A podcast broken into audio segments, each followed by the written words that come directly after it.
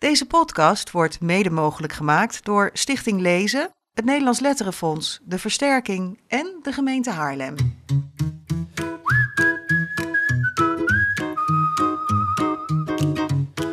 Stockholm, Zweden, 27 mei 2019. De Vlaamse schrijver Bart Moejaert krijgt uit handen van de Zweedse kroonprinses Victoria de Astrid Lindgren Memorial Award, de grootste oeuvreprijs voor kinderboekenschrijvers ter wereld. Moejaert is pas de tweede Nederlandstalige schrijver na Guus Kuijer in 2012 die de bekroning ontvangt. Tijdens de Awardweek houdt Bart Moejaert een lezing in het Engels die hij speciaal voor de Grote Vriendelijke podcast nu ook in het Nederlands heeft ingesproken. Luister naar Bart Moejaert met de lezing Min van Ont en Jeug. Min van Ont en Jeug. In de zomer van 2014 ben ik mijn vader kwijtgeraakt. Op zijn kamer aan de noordkant van het ziekenhuis sprak hij ineens op gedempte toon over verdachte bewegingen s'nachts op het platte dak voor zijn raam en dat hij maar beter wakker kon blijven en de wacht houden. Bij het afscheid overhandigde hij me een lege envelop en fluisterde me toe dat hij een brief aan het ministerie van Onderwijs en Jeugd had geschreven om zijn situatie te verduidelijken en of ik de brief voor hem wilde posten. Op de envelop stond in hanenpoten min van ont en jeugd en werd er niks. Terwijl mijn vader er een half jaar eerder een erezaak van zou hebben gemaakt om in zijn sierlijke handschrift op precies de goede plek met vulpen het volledige adres van het ministerie van Onderwijs en Jeugd te schrijven, geheel volgens de regels. Mijn vader heeft carrière gemaakt in het onderwijs. Hij was onderwijzer, daarna inspecteur, later hoofdinspecteur van scholen. Hij schreef schoolboeken, Nederlandse taal en geschiedenis en ontwikkelde een schrijf- en leesmethode die met vaardige hand heet en waarmee ik heb leren schrijven en lezen en heel veel Vlaamse kinderen met mij. De methode combineerde tekenplezier met schrijfplezier. Het kon gebeuren dat een hele eerste klas zes- en zevenjarigen over een tekening van een vijver vol eenden gebogen zat en al die eenden ogen gaf, terwijl ze luidkeels en ritmisch ringel, ringel, ping, ringel, ringel, ping brulden. Het was heftig om de man, die zijn hele leven lang de woorden schoonschrift en verzorgde taal met hoofdletters schreef, zo te zien verdwalen. Het was heftig om de vader die zijn hele leven lang met een specifiek handgebaar had beargumenteerd waarom leerkracht het mooiste beroep van de wereld is, te zien verdwijnen. Soms is dementie een dief die geniepig en herhaaldelijk toeslaat. In de loop van vijf jaar werden papa's volzinnen korter of onvolledig, ze horten, stokten, om er op het laatst alleen nog een woord of nee, een klank van over te houden. Op zondagmiddag maakte mijn vader tijd. Hij trommelde zijn zonen bij elkaar, zette mij in zijn nek pakte de hand van mijn ene broer en de hand van mijn andere broer en wandelde met ons over het bruggetje, via het pad langs de smerige beek, via de boerderij en de manege, langs het kanaal terug naar huis. We noemden de hele wandeling de grote blok. Onderweg hield hij een quiz. Voor elk goed antwoord kregen we één Belgische frank, wat in die tijd een fortuin aan snoep was. Toch vond ik de quiz minder belangrijk dan de holle boom. De wilg stond halverwege de wandeling. Als we er vlakbij waren, zette mijn vader me op de grond. Dan kwam de acteur in hem boven. Hij speelde de nieuwsgierigheid met de grote ogen uit de cursus Mume. Hij beelde de verwondering uit, zoals ze dat in Griekse tragedies doen. De emotie lag er vingerdik op. In de wilg woonden dwergen, waarmee alleen mijn vader contact had. Hij fluisterde tegen ze, gaf antwoorden op vragen die hij als enige hoorde. Het liegen hield hij altijd net lang genoeg vol. Zodra hij merkte dat we aan de werkelijkheid konden beginnen twijfelen, zei hij dat we maar weer moesten doorstappen. En hup, daar liep hij voor ons uit. Ik was zes en mijn vrienden waren dun als een vel papier. Ik had veel vrienden en altijd weer andere. Vandaag een man met een hoed, morgen een lachende hond. Ik zat in de keuken en tekende de godganse dag door, wat ik maar wilde. Soms tekende ik ook wat mijn moeder wilde. Dan zei ze, teken mij. Dan tekende ik de vrouw die over haar schouder naar mij keek en naar me glimlachte en in de soep roerde. Op een keer kwam een vrouw voor ons zorgen omdat mijn moeder geelzucht had. Het tekenen was anders omdat de vrouw mij niet kende. Ze zei: teken een tractor. Ze wist niet dat ik niet graag voertuigen tekende. Ik deed niet wat ze vroeg. Het verschil zat in haar toon. Als ze sprak, was het alsof ze het enige juiste antwoord op een vraag gaf, met de stelligheid van mensen die een bril hebben opgezet om slim over te komen of een schort aantrekken als uniform. Later heb ik nog meer mensen ontmoet die zo klinken. Hun stem is meestal hard, hun gezicht ook. Mijn moeder klonk anders. Ze zei wat ze dacht, maar verder liet ze de dingen in het midden. Niet omdat dat veilig was of laf, maar wel omdat ze zo in elkaar zat. Er was te veel wat ze niet zeker wist. Ze hield van het woordje als, en als het aan haar had gelegen, had ze de hele wereld afgereisd. Ze zei: Als we alles zouden kennen, dan waren we slim. Ze zei: Zo geloof ik dat het is. En als het niet waar is, dan is het nog straf. Mijn moeder ben ik in het voorjaar van 2016 kwijtgeraakt. Toen ze wakker werd na een ingrijpende operatie, wees ze naar de middeleeuwse torens van Brugge aan de horizon en vroeg ze waar ze was. We hoopten eerst nog dat ze door de narcose en de medicijnen de weg kwijt was, maar het verdwalen hield niet op. Soms is dementie geen dief, maar een slechte padvinder. Hij gebruikt een landkaart die verscheurd is geweest en verkeerd is samengeplakt, en ook nog eens ondersteboven ligt, en sowieso al niet meer klopt, omdat die een halve eeuw geleden is getekend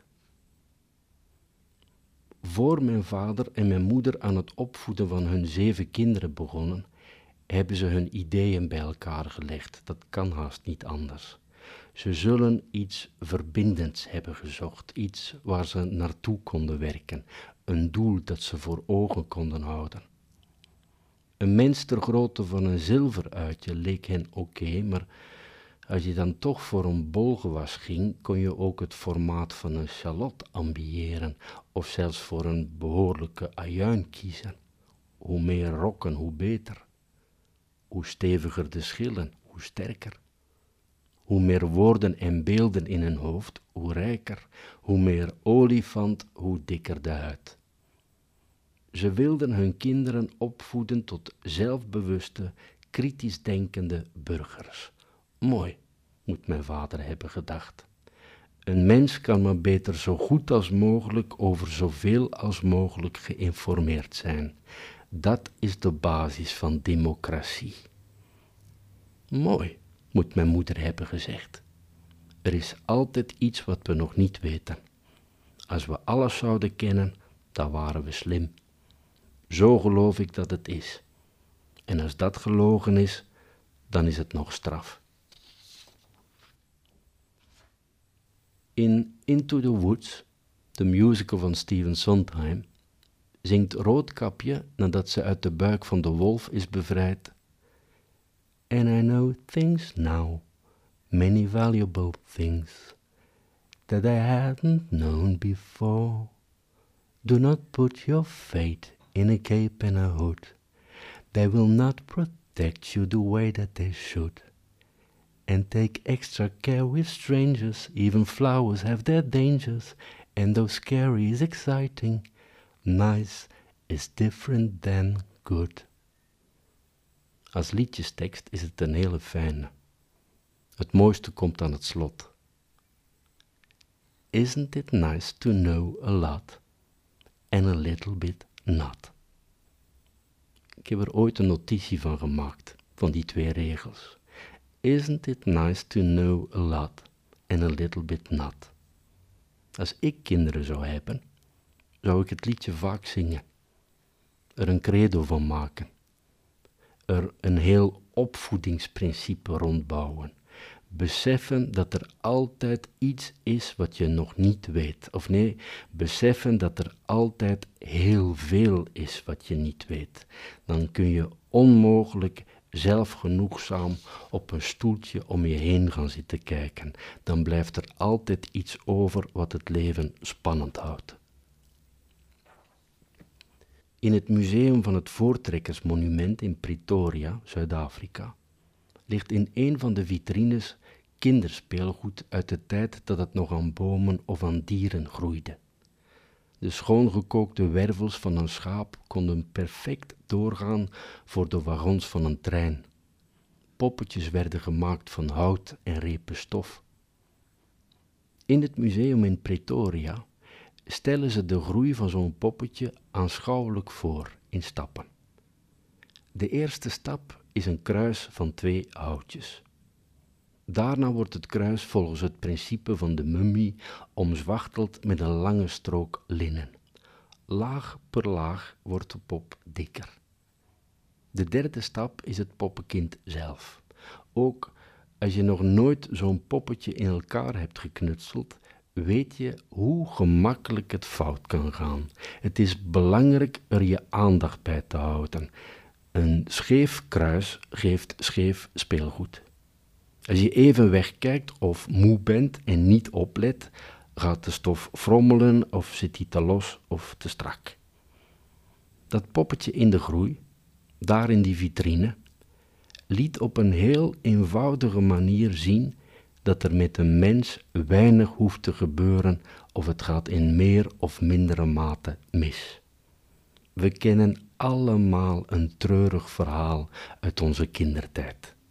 Van die keer toen onze moeder wegkeek en er iets onuitwisbaars gebeurde. Die keer toen onze vader moe was en zijn geduld verloor. We herinneren het ons nu, jaren later, nog steeds. Op onze zwakste dagen hebben we er zelfs last van.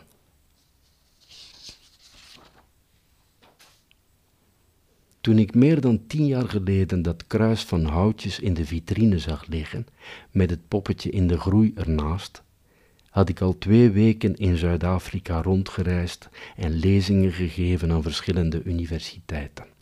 De taal, Afrikaans of Engels, en hoe je herkomst door je moedertaal wordt gedefinieerd, was als gespreksonderwerp regelmatig opgedoken.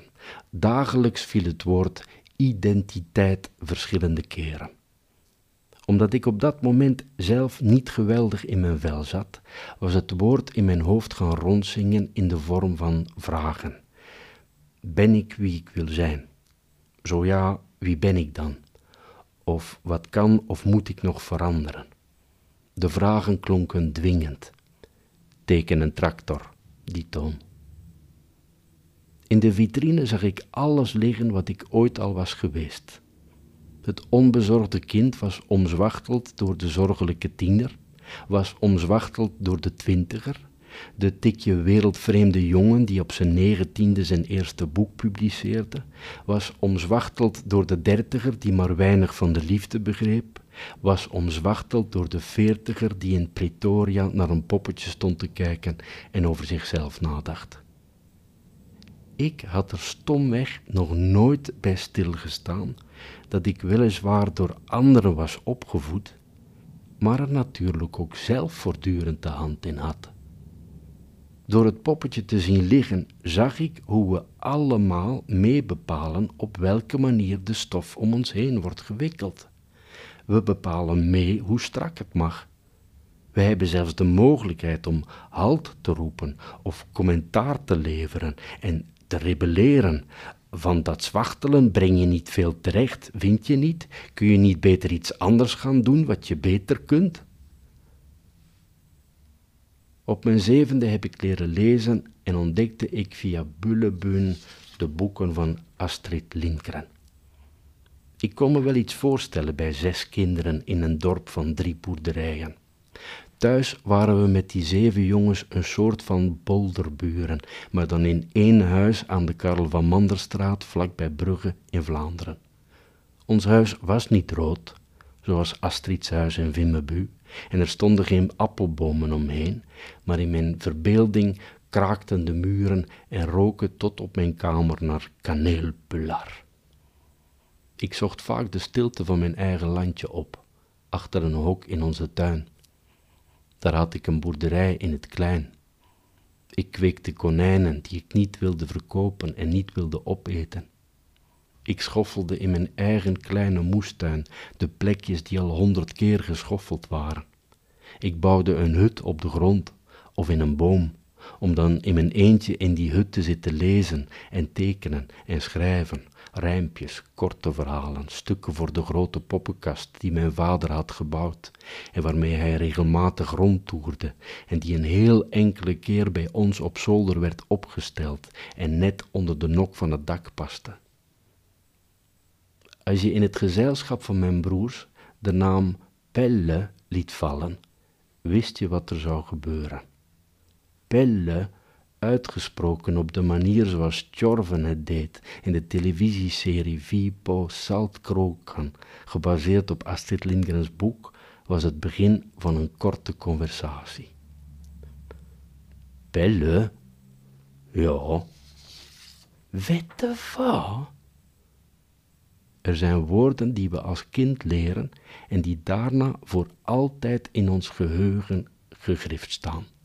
Dan begrijp je ook meteen hoe ingrijpend dat griffen kan zijn en hoe belangrijk het is dat we iets waardevols griffen. Weet je wat? Is het niet mooi dat je vertraagt en iemands aandacht vraagt en met weet je wat aangeeft dat je een nieuwe gedachte hebt of een nieuw inzicht kwijt wil. Weet je wat? Toen ik op mijn negentiende als schrijver debuteerde en besefte dat mensen niet alleen boeken van mij verwachten, maar ook een heel ideeëngoed, stak ik bij lezingen af en toe de vertaling van Samuel August Frans Sevetstop of Hanna E. Hult omhoog, waarin Lindgren het over haar kindertijd en schrijverschap heeft. Van alle vette vaat die ik als schrijver onderweg heb meegekregen, is het korte hoofdstuk waarin ze mij in dat boek als kinderboekenschrijver aanspreekt de eerste sleutel. Ik ben schatplichtig aan haar en ik citeer haar al ruim 35 jaar. Ik noem haar naam ook om dwars te liggen en collega's, auteurs van fictie voor volwassenen erop te wijzen dat ze dringend moeten leren beleefd te zijn en hun roots moeten vermelden. Noem de kinderboekenschrijvers en de kinderboeken die je beïnvloed hebben. Mijn moeder weet af en toe een minuut lang dat ik volgende week in Stockholm een prijs krijg.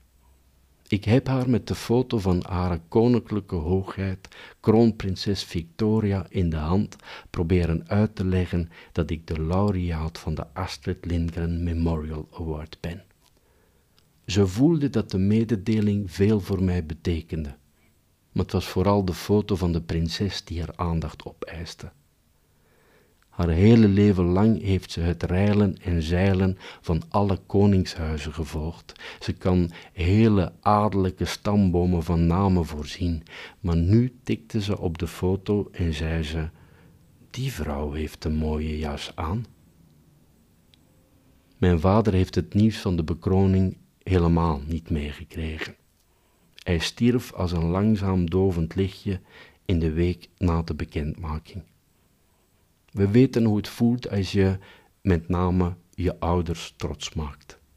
We begrijpen hoe het is als je met name als ouder merkt dat je goed werk hebt geleverd bij het omzwachtelen. Dat poppetje van ons is, geloof ik, niet heel erg verschrikkelijk scheef gegaan. Het fijne nieuws van de Alma verspreidde zich op 2 april als een lopend vuurtje via social media, websites, radio, televisie. De kranten in België en Nederland maakten plaats op de voorpagina. In april en mei heb ik me kunnen verheugen op grote interviews met kranten en tijdschriften die het belang van de erfenis van Lindgren begrijpen.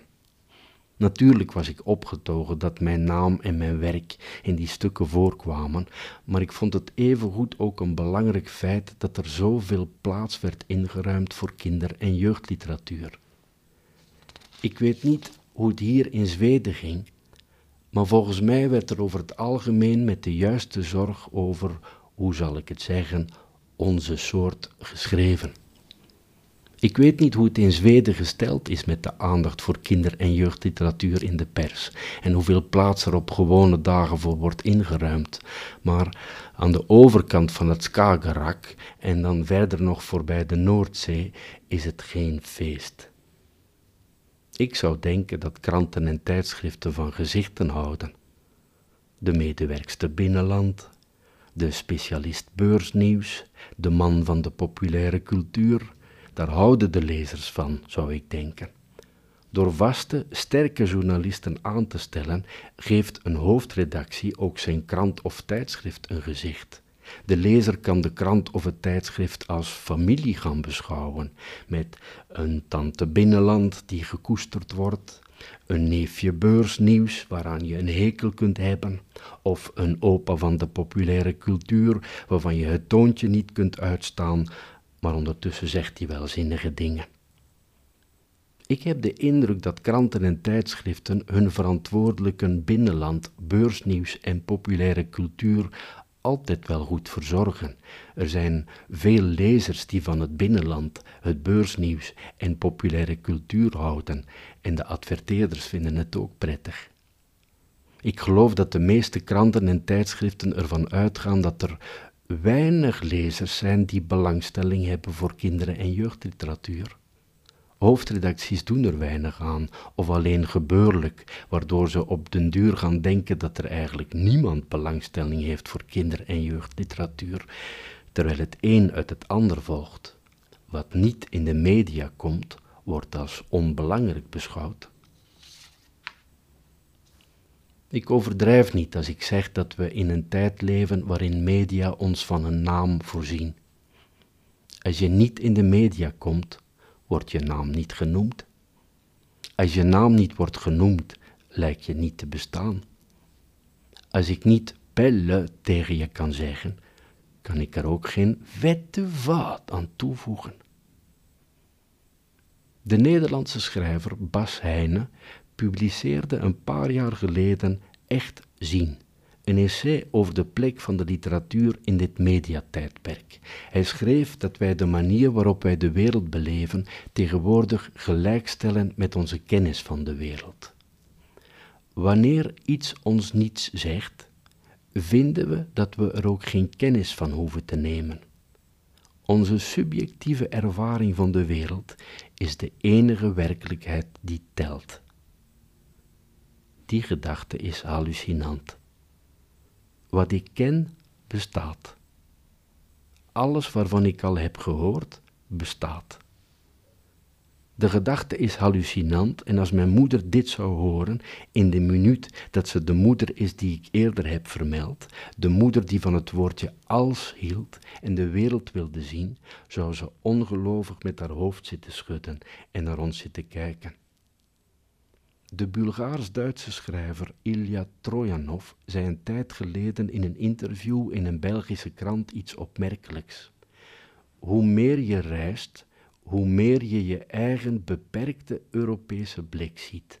Alle informatie wordt bepaald door wat je ziet en door wat je kent en waar je vandaan komt.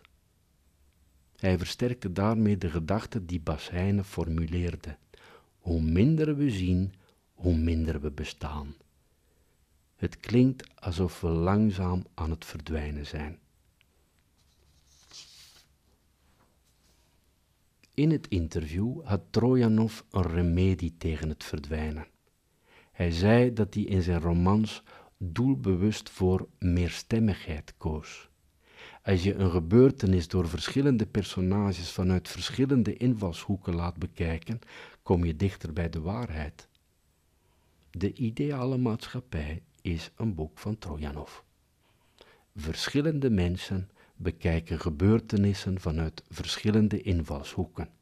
En als we goed luisteren naar de samenkomende stemmen, benaderen we de waarheid.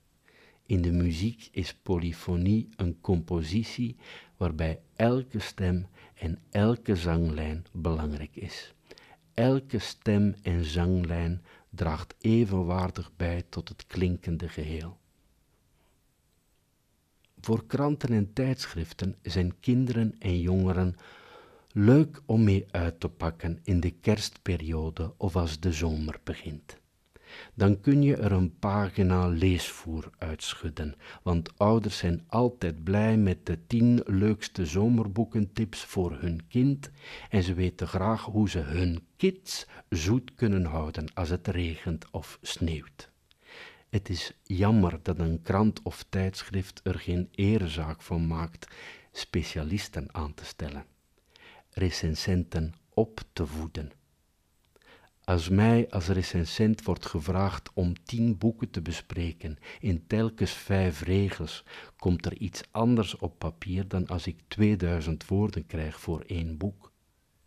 Als mij als recensent de ruimte wordt gegeven om specialist kinder- en jeugdliteratuur te worden, dan kan ik met een vrij hoofd laten zien wat volgens mij de trends zijn, de ontdekkingen, de te mijden boeken. Ik bots niet tegen de grenzen van de vierkante centimeter in mijn krant. Ik bots dan vooral tegen de grenzen van mijn eigen visie en hoe ik die naar de lezer toe kan vertalen. Voor een schrijver is het fijn om uitgebreid te lezen wat een vertrouwde stem over je boek denkt. De recensent heeft een bepaalde visie en dan begrijp je het kader waarbinnen je boek wordt besproken. Naast de eerste lezer van zijn eigen boek is een schrijver ook de tweede lezer van andermans boeken. Dus is het sowieso altijd uitkijken naar wat de kinderboekenrecensent aanbrengt. Ik heb behoefte aan toetsstenen. Ik wil mezelf in vraag kunnen stellen. Dankzij andermans ideeën vorm ik als schrijver een eigen visie op wat het schrijven van kinder- en jeugdboeken betekent. En, en dan zijn vijf regeltjes aardig, maar ze kunnen geen basis zijn waarop een hele kindercultuur wordt gebouwd. Auteurs van fictie voor volwassenen worden haast nooit bevraagd over hun publiek. Dat is niet alleen fijn voor de schrijver van fictie voor volwassenen, maar ook leuk voor de lezer van het interview. De focus blijft op het boek en de genezen ervan liggen, het uiveren. In de voorbije weken volgden de interviews naar aanleiding van de Astrid Lindgren Memorial Award elkaar in snel tempo op. Tijdens interview nummer drie viel me op dat de journalist op ongeveer exact hetzelfde moment als de vorige journalist exact dezelfde vraag poneerde, met ongeveer dezelfde voorzichtigheid en met eenzelfde zogenaamd kritische ondertoon. Mm, maar is het niet zo dat kinderen tegenwoordig minder lezen en meer met hun iPad bezig zijn? Als het om kinder- en jeugdliteratuur gaat, komen mensen haast altijd bij cijfermateriaal uit als ze een intelligente vraag zoeken die ze zouden kunnen stellen. Alsof procenten en kwantiteit ineens een bepaalde status aan het genre zullen verlenen, terwijl ik zou denken dat het in de eerste plaats over de waarde van het lezen moet gaan of iets anders inhoudelijks. Eerst kwam ik nog in de verleiding een antwoord te formuleren. Dat het aantal lezende kinderen die deel uitmaken van de Vlaamse kinder- en jeugdjury in vijf jaar tijd met meer dan 42% is gegroeid En ik verwees naar een recent Nederlands onderzoek waaruit gebleken is dat 77% van de tienjarigen bijna elke dag stil voor zichzelf leest. Dat is een toename ten opzichte van de 68% in 2001 en de 71% in 2006 en 2011.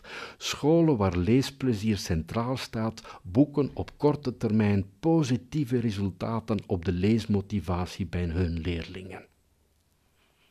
Maar toen was ik de aandacht van de journalist al kwijt. Ik heb ineens ingezien dat is het niet zo dat kinderen tegenwoordig minder lezen en meer met hun iPad bezig zijn? Een vraag is die bulkt van de luiheid. Een veralgemening die gretig herhaald wordt, zodat op den duur niet meer opvalt dat er geen referentiepunten worden genoemd. Over welke kinderen gaat het? Over welke periode? Wat bedoel je met minder en meer? Er wordt geïnsinueerd dat het ene het onderspit delft door toedoen van het andere. Wat voor antwoord wordt eigenlijk verwacht? Is het niet belachelijk dat de vraag aan een schrijver wordt gesteld, alsof hij het antwoord weet of in één volzin de oplossing geeft? Is het geen belediging in vermomming, want ligt het niet aan de boeken dat de kinderen minder lezen? Moeten de schrijvers het misschien anders aanpakken? Moeten ze hun publiek niet bevragen? Hoeveel procent van de elfjarige meisjes hier aanwezig wil over eenhoorns lezen? Moeten ze misschien minder moeilijk doen? De vraag wordt gesteld door een volwassene die naar beneden wijst naar de kinderen die hij op een hoopje heeft gegooid. Er zit een toon van beschuldiging in. U herinnert zich nog wat ik jaren geleden in Pretoria dacht, voor de vitrine met het poppetje erin. Dat ik er tot dan toe nog nooit had bij stilgestaan, dat ik niet alleen door anderen ben opgevoed, maar dat ik er natuurlijk ook zelf voortdurend de hand in heb. We bepalen mee hoe de stof om ons heen wordt gewikkeld. We hebben zelfs de mogelijkheid om stop te zeggen of de volwassenen te berispen. Wat zou het schrikken zijn als kinderen wat vaker naar boven zouden kijken en de volwassenen op hun tekortkomingen wijzen. Je had ons meer boeken moeten aanreiken, meer soorten je had manieren kunnen verzinnen om ons naar een boek te doen grijpen. Je had kunnen meelezen, voorlezen, vertellen. Je had aan luisterboeken kunnen denken. Je had ons kunnen leren hoe we de iPad anders kunnen gebruiken. Je had het jezelf minder makkelijk kunnen maken. Jij hebt een half uur iPad verzonnen als beloning. Dat idee komt niet van ons. Van dat zwachtelen breng je niet veel terecht. Vind je zelf ook niet? Af en toe informeerde journalisten naar hoe ik het podium dat me naar aanleiding van de Alma zou worden geboden ging benutten. In één krant dacht ik hardop na. Ik sprong op mijn stokpaardje van jaren, dat je tijdens je lerarenopleiding, en daarbij dacht ik aan alle volwassenen die een opleiding volgen om voor een klas te staan, de kinder- en jeugdboeken door de strot geduwd moet krijgen. Als je een bakker bent, dan moet je alles van bakken en brood weten. Anders ben je geen goede bakker en verlies je klanten. Als je leerkracht bent of toekoer met kinderen bezig bent, dan moet je ook alles over hen weten. Als je zelf nooit leest, moet je dat veranderen. Anders ben je geen goede leerkracht. Vooral die laatste opmerking in de krant ging een eigen leven leiden. Eerst letterlijk, omdat het een losstaande en lichtjes omgebouwde quote werd boven het interview. Leerkrachten die niet lezen zijn geen goede leerkrachten. En daarna werd erover gedebatteerd op social media en in lerarenkamers. De reacties gingen van boos en verongelijkt naar blij en lovend. Vroeger was ik in elkaar gekrompen. Vroeger zou ik mezelf streng hebben toegesproken. Dat ik het woord strot niet had moeten gebruiken en dat ik mijn antwoord vriendelijker en genuanceerder had moeten formuleren. En toen ging mijn vader dood. Tijdens een talkshow op de televisie werd ik nog eens over de quote aangesproken. Omdat het live ging en je in een talkshow niet alle tijd van de wereld krijgt, voelde ik tijdens mijn antwoord een nieuw soort vuur. Ik zat er als zoon van mijn vader, die zijn hele leven lang de woorden schoon schrift en verzorgde taal met hoofdletters schreef en zijn hele leven lang met een specifiek handgebaar heeft beargumenteerd waarom leerkracht het mooiste beroep van de wereld is. Ik zat er als zoon van mijn moeder, die wel zei wat ze dacht, maar de dingen verder in het midden liet. Niet omdat dat veilig of laf was, maar wel omdat er nu eenmaal veel was wat ze niet zeker wist. Als we alles zouden kennen, dan waren we slim. Daar in het spotlicht van de televisiestudio hoorde ik mezelf zeggen dat ik al zo lang een manier zoek om duidelijk te maken hoe belangrijk taal voor ons is en hoe bepalend kinder- en jeugdliteratuur is voor ons hele bestaan. En of de kinder- en jeugdliteratuur bijgevolg niet meer ruimte verdiende. Dat ik in de afgelopen 35 jaar alles vaker om aandacht had gevraagd. Nu eens vriendelijk, soms zelfs smekend, en een enkele keer heb ik gezwegen omdat ik het moe ik besef waarom het me wel raakt dat mijn ouders het nieuws van de allemaal missen, maar dat het me tegelijkertijd ook niet ongelooflijk verdrietig stemt.